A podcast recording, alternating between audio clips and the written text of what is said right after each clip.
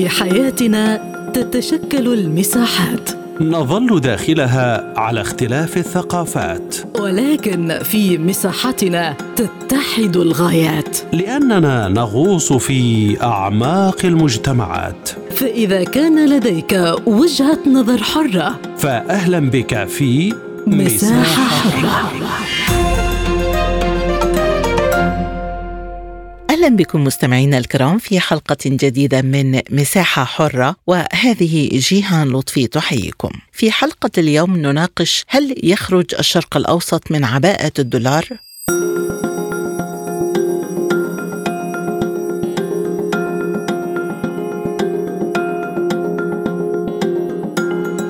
بانضمام السودان إلى مباحثات التبادل التجاري بالروبل تكون هذه دولة أخرى جديدة في الشرق الأوسط تتوجه نحو التبادل التجاري بالعملة الروسية بعد أن بدأت السعودية المسيرة بفتح الباب أمام مباحثات إطلاق التداول بالروبل مع روسيا ومع الصين لتسعير مبيعات النفط باليوان فيما أعلن المركزي العراقي عزمه تنظيم تمويل التجارة الخارجية مع الصين مباشرة بعملة اليوان الصينية لتبدأ بذلك التجارة الدولية مسيرة التحول إلى تعددية الأقطاب التي تميز النظام العالمي الجديد البازغ. يأتي ذلك في ضوء النجاح الذي حققه الروبل الروسي في تخطي العقوبات الغربية بفضل قوة دفع الصادرات والطلب الذي خلقه المصرف المركزي الروسي على الروبل عبر إلزام الدول غير الصديقة للدفع بالروبل لروسيا فضلا عن اعتماد البنك المركزي سلة من العملات للتبادل التجاري مع باقي الدول. فهل يخرج الشرق الأوسط من عباءة الدولار؟ حول هذا الموضوع تدور نقاشاتنا في حلقة اليوم من مساحة حرة. البداية من مصر ومعنا من القاهرة الدكتور شريف الخريبي خبير الاقتصاد الدولي وعضو المجلس المصري للشؤون الخارجية. مرحبا بك معنا دكتور شريف وسؤال حلقة اليوم هل يخرج الشرق الأوسط من عباءة الدولار بعد مباحثات التحول إلى الروبل في السعودية ومصر وانضمام السودان للمباحثات أيضا مؤخرا؟ أهلا وسهلا فندم. أهلا أهلا. بالتأكيد العالم كله يدين بالفضل للتغيرات اللي بتتم حاليا وبشكل كبير للعملية العسكرية الخاصة اللي قامت بها روسيا ولها كل الحق في ذلك لإنهاء الهيمنة الأمريكية الغربية على العالم واللي كانت كلها عقود من الظلم واستنزاف الموارد وعدم إعطاء الحق لأي دولة أن تعطي أو أن تتخذ القرارات التي تتلائم مع مصالحها الشخصية، هناك توجيهات، هناك إملاءات، وبالتالي أول خطوة الحقيقة هي النجاح المبهر للاقتصاد الروسي وللدولة الروسية وللسياسة الروسية خلال العام الماضي. كان هناك ناس تراهن أن روسيا لن تتحمل ولكن أنا كنت واحد من الناس وكثيرين مثلي بنتأكد أن روسيا ستواصل وستكون لها شأن عظيم وأنا يمكن من أول ما ابتدت هذه العملية كنت نزلت بوست أن انتهى عهد القطب الواحد وعادت الحياة في العالم إلى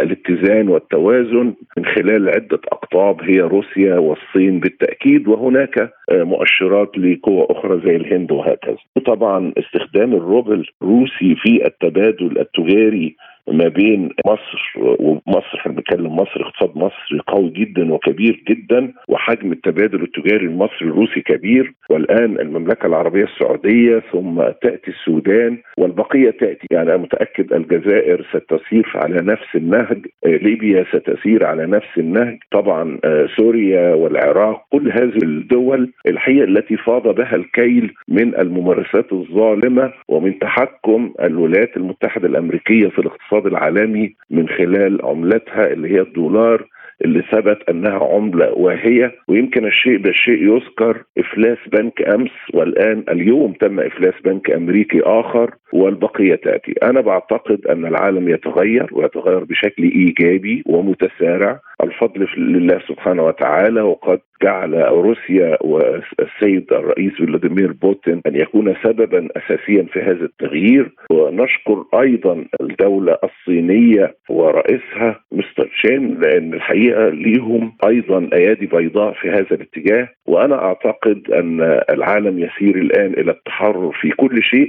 أتمنى أن يكون هناك اتفاقية بريكس أن يدخل إليها مصر وتدخل إليها السعودية وهما دولتان مرشحتان. وكل الاقتصاديات الناشئة السودان أيضا إذا انضمت السودان لديها إمكانيات هائلة في إنتاج الغذاء الزراعي والحيواني والعالم كله في حاجة إلى ذلك. يبقى دخول هذه الدول مع دول البريكس الأصلية. والخطوة التالية أتمنى أن تكون هناك عملة تسمى البريكس. هذه العملة بيلتزم بها كل الدول الأعضاء وبالتالي سيكون هناك نهج آخر وسينتهي عصر الدولار إلى الأبد إذا إلى أي مدى دكتور شريف يمكن أن يؤدي وجود عملات أخرى على ساحة التجارة الدولية إلى ضبط مشهد التضخم خاصة في ظل رفع أسعار الفائدة الأمريكية التي صدرت هذا التضخم الكبير لاقتصادات العالم؟ كما تعلمي أن كل الدول اللي اقتصادها مرتبط بالدولار بتتأثر بالتبعية في أي قرارات أو سياسات اقتصادية أو نقدية بتتخذها الولايات المتحدة. عملية رفع الدولار هي كانت بتحاول أن توجد نوع من التوازن من خلال العقوبات الظالمة اللي عاقبت بها العالم كله واللي الحقيقة كانت روسيا هي اللي أكثر الدول استفاده من هذا. فطبعا كما عوقب العالم عوقبت أيضا الولايات المتحدة وأصبح هناك تضخمات في الولايات المتحدة وفي الاتحاد الأوروبي وفي بريطانيا. رفع سعر الفائدة لمعالجة التضخم هي دي سياسة كلاسيكية ولا تتمشى مع الوضع الحالي للعالم. وبالتالي فهي لما بترفع أسعار الفائدة كل الاقتصادات المرتبطة بها ومنها مصر أيضا بيتم رفع الفائدة علشان تشجع الناس على الادخار وتقليل السيولة في الأسواق وهذا لم ولن يحدث وبالتالي هي سياسة فاشلة، الحالة الوحيدة هي وجود التبادل التجاري بالعملات الوطنية كما قامت روسيا والصين بهذه المبادرة وأعتقد إن هي ستؤتي ثمارها وزي ما قلت لحضرتك انتهى عصر الدولار إلى الأبد. في وجود استثمارات دولية هائلة في الولايات المتحدة برأيك دكتور كيف سيكون وضع هذه الاستثمارات؟ وأتحدث تحديدا عن السندات الحكومية بالدولار. السندات الحكومية أو أي استثمارات موجودة في الولايات المتحدة الأمريكية هي الحقيقة الآن بتتعرض لمخاطرة هائلة وغير السندات الحكومية أنا بتكلم أيضا عن الإيداعات بالمليارات وقد تصل إلى التريليونات اللي موجودة من دول الخليج العربي النفطية بشكل خاص في الولايات المتحدة. أعتقد أنهم إذا لم يبدأوا بخطوات جادة لسحب جزء من هذه الأموال واستثمارها بشكل يتلائم مع العصر الحالي أهمها أن يكون هناك استثمار مباشر في دول أكثر أمانا الآن هي روسيا والصين وأيضا منطقة الشرق الأوسط منطقة دول حوض النيل السودان بالنسبة لإنتاج الغذاء بأنواعه مصر بإمكانياتها الهائلة بالنسبة للمشروعات الصناعية والمشروعات اللوجستية. إذا لم يتم ذلك وبأسرع ما يمكن أعتقد أننا سنواجه أزمة عالمية ليس لها مثيل اللي كانت السبب في الماضي في الحرب العالمية الأولى والآن بوادرها بتتم بشكل كبير ومتسارع وأتمنى أن ينصت متخذ القرار في دول الخليج العربي بالذات إلى صوت العقل وبدء بالسحب التدريجي لأموالهم واستثماراتهم من الولايات المتحدة من أوروبا الغربية لأن أصبحت هاتين المنطقتين هما الأكثر مخاطرة والأكثر تعريضا للأموال للذهاب والانتهاء. بالحديث عن هذه النقطة هل يمكن أن تقبل واشنطن على تجميد أموال الدول المنخرطة في التجارة بالروبل وقد استخدمت هذا الأسلوب سابقا ولوحت به من قبل في وجه السعودية عند خلافها السياسي معها؟ حتى إذا ده تم أنا أعتقد إن لن يكون له أي تأثير على الإطلاق. المملكة العربية السعودية عاملة احتياطات كبيرة جدا بالذهب وليس بالدولار. نفس الشيء مصر حولت جزء من احتياطاتها إلى الذهب وليس الدولار. التعاون المصري الروسي هو أساسي التعاون السعودي الروسي هو. هو أساسي. التعاون الروسي مع دول العالم اللي بتنظر وتنتظر العدالة اللي تأخرت كثيرا في ظل الهيمنة الأمريكية والغربية على العالم ده هيكون له مردوده وأعتقد أن روسيا باقتصادها القوي والصين باقتصادها المتنوع والقوي أيضا قادرتان على أن تزيل أي تأثير لعملية تجميد أو خلافه وخاصة أن الدول بتكلم على مصر الحمد لله ما لناش استثمارات ولا ايداعات وحتى التجارة بيننا وبين أمريكا تقريبا انتهت حتى في المجال العسكري في وقت السيد الرئيس عبد الفتاح السيسي. مصر توجهت لتنويع مصادرها للسلاح وبالتالي لن يكون لها تأثير على دولة زي مصر ولن يكون لها تأثير أيضا على المملكة العربية السعودية لأن المملكة حولت جزء كبير من احتياطاتها إلى الذهب والذهب هي سلعة لا تستطيع أي دولة مثل الولايات المتحدة أو أوروبا الغربية لو ساندتها في هذا أن تقوم بالتأثير على الاقتصاد السعودي. إذا هل يمكن أن نشهد أشكالا أخرى للتبادل التجاري الدولي بنظام المقايضة؟ على سبيل المثال بدأنا نسمع عن صيغ من قبيل النفط مقابل الإعمار. طبعا هذه الخطوة يمكن كانت الاتحاد السوفيتي سابقا كان النموذج المصري السوفيتي في الماضي كان الحقيقة نموذج ناجح جدا جدا. وأعتقد أننا سنعود مصر لديها إمكانيات كبيرة جدا في بعض المنتجات زي الرمال السوداء والرمال البيضاء اللي بتستخدم في إنتاج منتجات عالية التقنية ومهمة جدا. فأعتقد أيضا أن هناك فرصة هائلة للشركات الروسية والمصانع الروسية لإنشاء فروع لها في مصر وأن تكون مصرية يعني تكون لها شهادة منشأ مصري، الاستثمار الصناعي في مصر بيعطي الفرصة لأن يكون المنتج الذي سيتم إنتاجه يدخل أسواق حوالي 90 دولة في العالم ومنها الاتحاد الأوروبي بدون أي رسوم جمركية، وبالتالي عملية التبادل قد يكون تبادل سلع مقابل سلع، قد يكون سلعه مقابل توفير مساحات لإنشاء مناطق صناعية أو مناطق لوجستية، هناك الكثير من أشكال التبادل الاقتصادي والتجاري بين الدول ومن أنجح النماذج كانت مصر الاتحاد السوفيتي وده في سبيله للعودة وبإذن الله سينجح وبشكل كبير. الدكتور شريف الخريبي خبير الاقتصاد الدولي وعضو المجلس المصري للشؤون الخارجية كنت معنا من القاهرة شكرا جزيلا لك.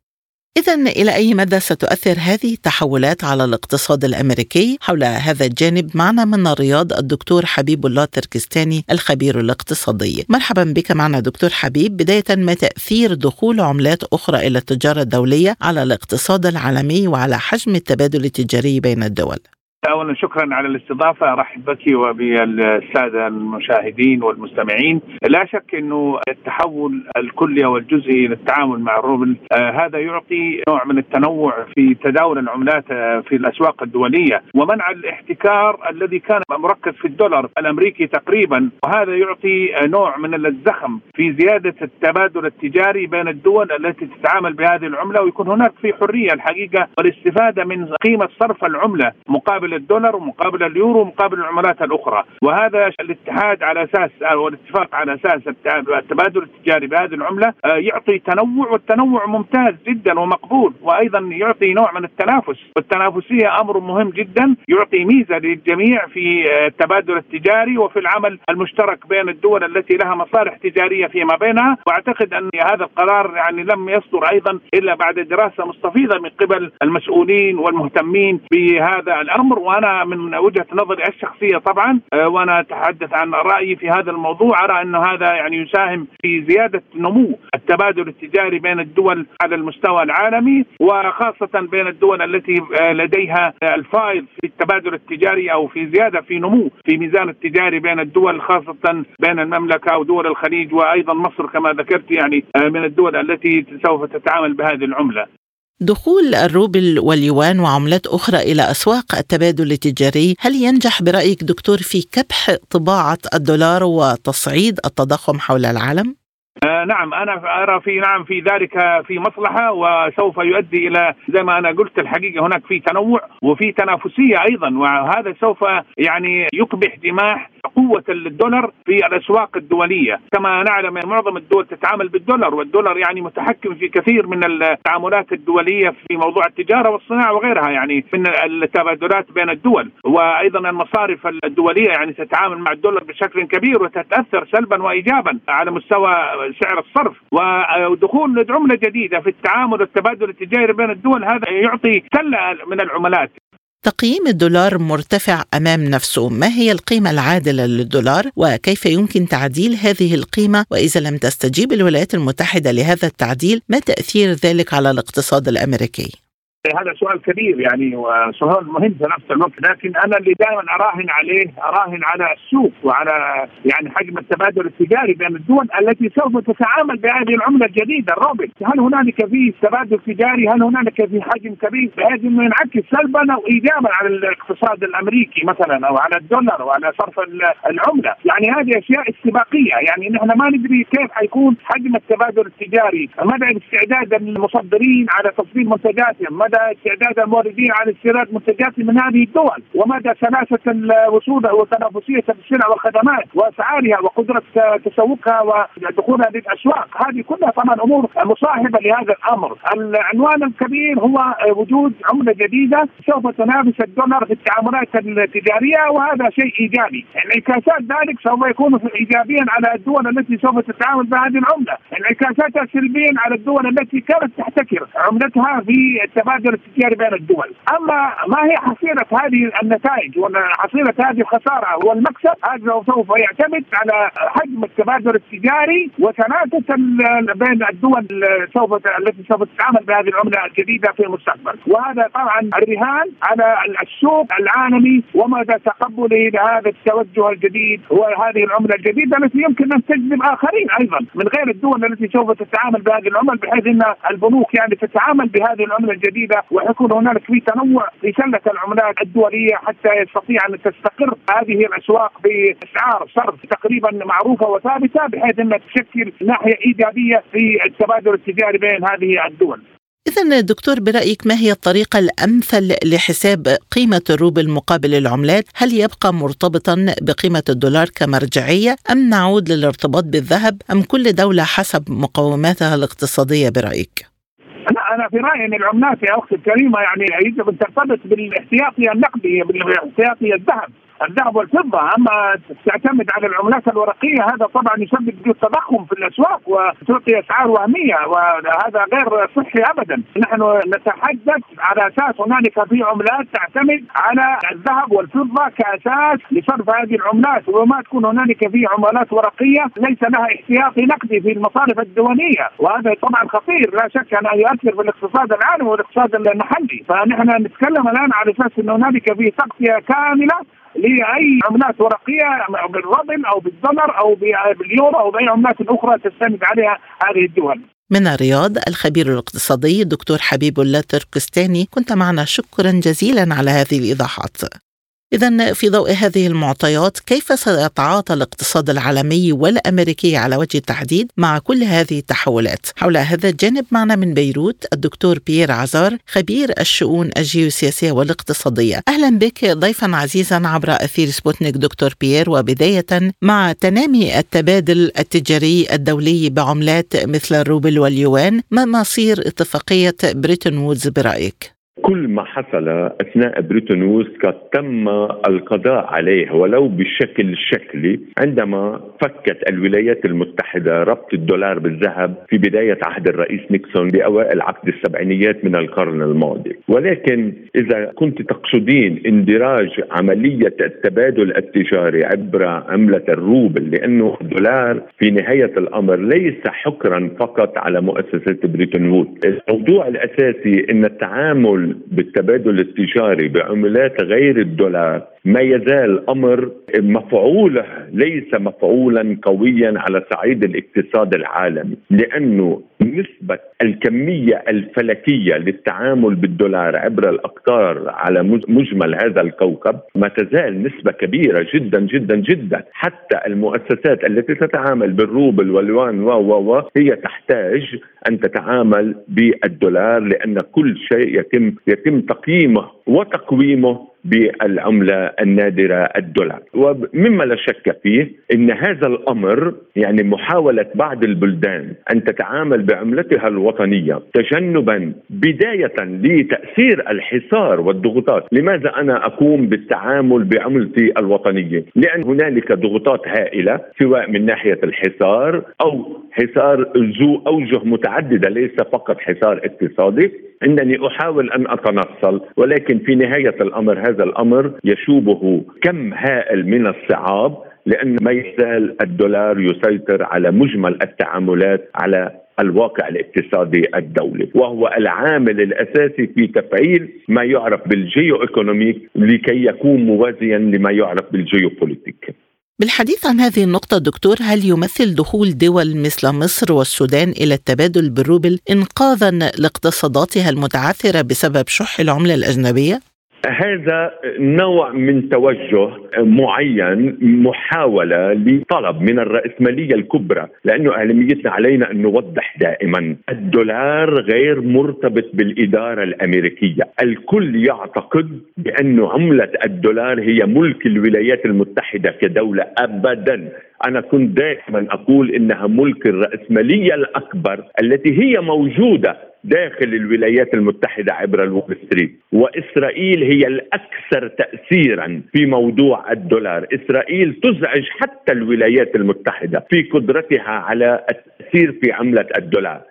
لأنه دائما على عملة الدولار إذا نظرت إلى عملة الدولار ال1 دولار مكتوب ان جاد وتراس إننا بهذا الإله الذي هي ترجمتها نحن نثق دائما أكرر هذا التوصيف. إنما هم يقولون إننا بهذا الإله الذي نؤمن. طبعا هي ليست الترجمة إنما روحية الترجمة. وبالتالي العملية شديده التعقيد إذا حاولت دولة بحجم مصر دولة إقليمية كبيرة جدا ولها تأثير على الساحة الدولية فذلك الأمر السودان هي نوع من الضغط على يعتقدان بأن الولايات المتحدة هي من تتحكم بالدولار. إنني أريد أن أقول للجميع إذا كنتم تريدون أن توجهوا أي رسالة عليكم أن تتجهوا باتجاه الرأسمالية التي تحركها إسرائيل. إسرائيل تحرك منتدى دافوس. إسرائيل تحرك المحافل التي تؤثر في موضوع العملات. طبعا مهما حاولوا أي مجموعة لا يمكنها أن تتنصل من تأثيرات الدولار، إنما هنالك منحى آخر تسعى له مصر والسودان والمملكة العربية السعودية واليوم الاتفاق الذي حصل بين إيران والسعودية من أجل تفعيل التجمعات الإقليمية التي هي تعرف اليوم ذو وظيفية جديدة التجمعات الإقليمية الجديدة من أجل أن تحاول أن تتنصل من المعايير التي تفرضها المنظمة التجارة العالمية المعروفة بال WTO. وبالتالي الموضوع الأساسي اذا مهما حاولوا الكل لا يمكنهم أن يضبطوا إيقاع التذبذبات الاقتصادية انطلاقا من التبادل عبر عملات وطنية، هذا أمر ما يزال بعيد جدا جدا جدا، لأن الرأسمالية إعلاميتنا قد استعملت العملات المشفرة العملات المشفرة وأنا كنت دائما على منبرك أقول بأن مؤسسات بريتون وود لم تعد تتحقق بالتدفقات النقدية. يعني ال IMF صندوق النقد الدولي هو لم يعد يتحكم إنما هو ما أصبح أداة في يد النظام النقدي الدولي الخاص وعلى كل دولة تريد أن تبدل التبادل التجاري عبر عملتها الوطنية أن تفهم بأن صندوق النقد الدولي لم يعد هو الذي يؤثر على حجم التدفقات النقدية التي تسعى من خلالها إلى تغذية ميزان المدفوعات. لأن الحساب الجاري داخل ميزان المدفوعات دائما هنالك عجز من الصادرات والواردات. بالحديث عن المؤسسات النقدية الدولية برأيك هل يمثل التحول إلى الروبل وبروز مؤسسات نقدية عالمية أسيوية جديدة على مسيرة هذه التدفقات النقدية حول العالم؟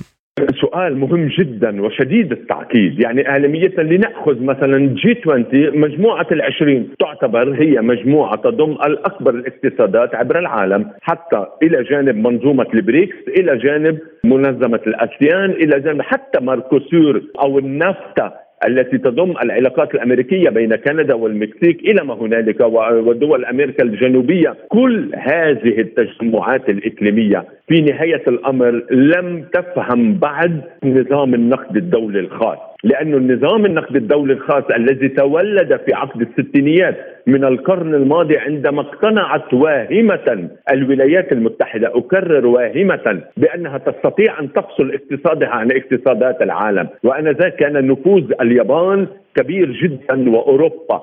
ولكن عندما أتى الرئيس نيكسون وفك الربط الدولار بالذهب أدخلت الفوائد السنوية في البنوك التي كانت بالدولار إلى جانب أصبح هنالك البترو دولار أدخل في العام 73 إلى هذا النظام النقد الدولي الخاص، اذا الإشكالية الكبيرة هي الهوية المجهولة للنظام النقد الدولي الخاص، لا يوجد أسماء تديره وهذه هي الخطورة، أنا دائما كنت أقول إن الرأسمالية هي موجودة في كل مكان ولكن لا يوجد لها مكان محدد، هذه هي الخطورة للرأسمالية، اذا نحن التي تدير هذا الواقع على مسرح العلاقات الدولية في البعد الاقتصادي وانعكاسه في البعد السياسي هي الرأسمالية التي تتمدد عبر هذا الكوكب دون أن يكون لديها أي رمز أي هوية أي موقع جغرافي وهنا تبدأ الإشكالية الكبيرة. ودائما تسعى الدول إلى فهم هذا المعطى ولكنها لم تستطع حتى هذه اللحظة. ولكن رغم كل شيء يبقى مفهوم الدولة الأمة هو المفهوم الطاغي رغم محاولة القوى العبرة الوطنية التي تحركها الرأسمالية إلى كسر مفهوم الدولة الأمة. وهذا أمر لم يتحقق وخاصة أن الحرب الروسية الأوكرانية من أهم نتائجها ثبات مفهوم الدولة الأمة إذا دكتور في تقديرك هل تتحكم الولايات المتحدة في الأزمة الحالية العالمية والتضخم الهائل عبر تحريك رفع أسعار الفائدة على الدولار أم أنها فقدت السيطرة على تحركات النقد كما تفضلت؟ أهم سؤال إعلاميتنا هنا يجب أن أعيدك بالازمه التي حصلت في العام 2007 2008 عندما كان الرئيس السابق جورج بوش الإبن عندما حصلت في الول ستريت أزمة الرهون العقارية التي تعرف أدوات التجزئة المعروف عنها بال subprime عندما حصل بأن شركتي فريدي ماك وفاني ماي هن شركتي للتسليف العقاري عندما سلفوا المواطنين الأمريكيين أموال فلكية كقروض سكنية دون ضمانات بمبلغ خمسة ألاف مليار دولار